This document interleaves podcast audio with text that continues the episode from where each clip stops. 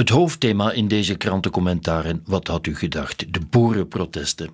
Al de redenen waarom die boeren boos zijn, dat is eigenlijk niet bij te houden, meent Gazet van Antwerpen, maar hun frustratie is te begrijpen.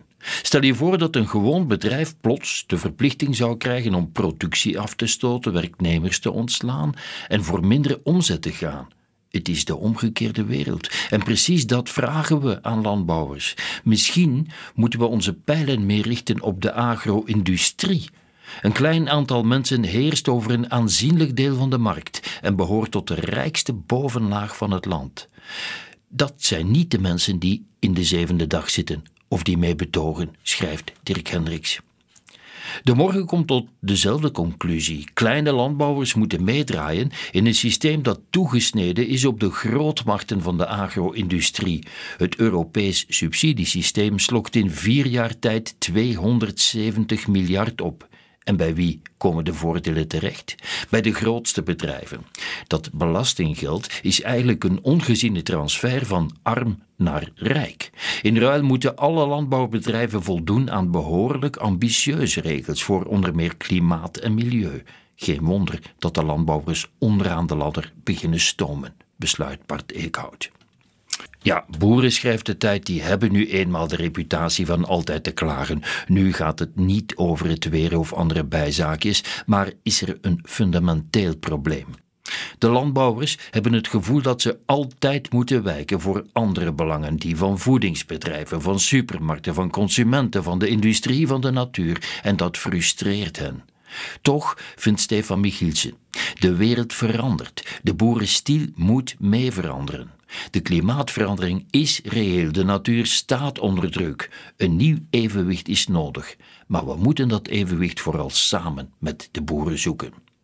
Analyse die we ook in het nieuwsblad vinden. De woede van de boeren is begrijpelijk. Maar, schrijft Peter Meilemans, de boeren moeten wel oppassen dat ze niet terugplooien op nostalgie om hun toekomst veilig te stellen. Dan zal er namelijk geen toekomst zijn. Er is geen boer die geen last heeft van extreme neerslag of uitzonderlijke droogte. Zijn oogst wordt onvoorspelbaar en daar heeft de verandering van het klimaat wel degelijk mee te maken.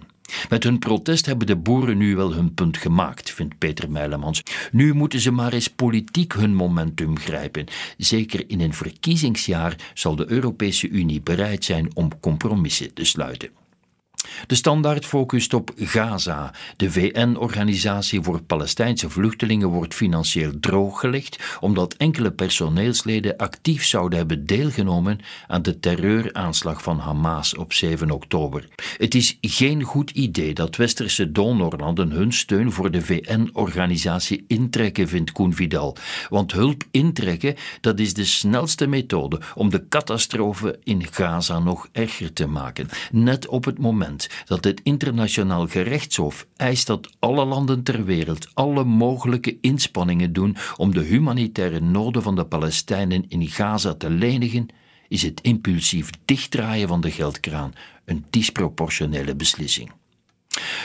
Voetbal tenslotte in belang van Limburg. De Limburgse derby tussen Sint-Truiden en Genk ontspoorde door het onaanvaardbare gedrag van zogenaamde supporters. De oplossing is nogthans simpel, vindt Christophe Lieberlo. Haal de hooligans eruit. Letterlijk, want ze zijn wel degelijk gekend. In Nederland wordt de klassieker tussen aartsrivalen Ajax en Feyenoord al meer dan tien jaar zonder uitvans gespeeld. Het is jammer, maar misschien moet het hier ook maar zo. En waarom zouden we niet een nog radicalere oplossing overwegen? Straf clubs op sportief vlak en trek hem punten af als het fout loopt. Wetten dat de kans groot is dat de enkelingen met foute intenties er dan wel uitgehaald worden? En daarmee eindigt dit krantenoverzicht van dinsdag 30 januari.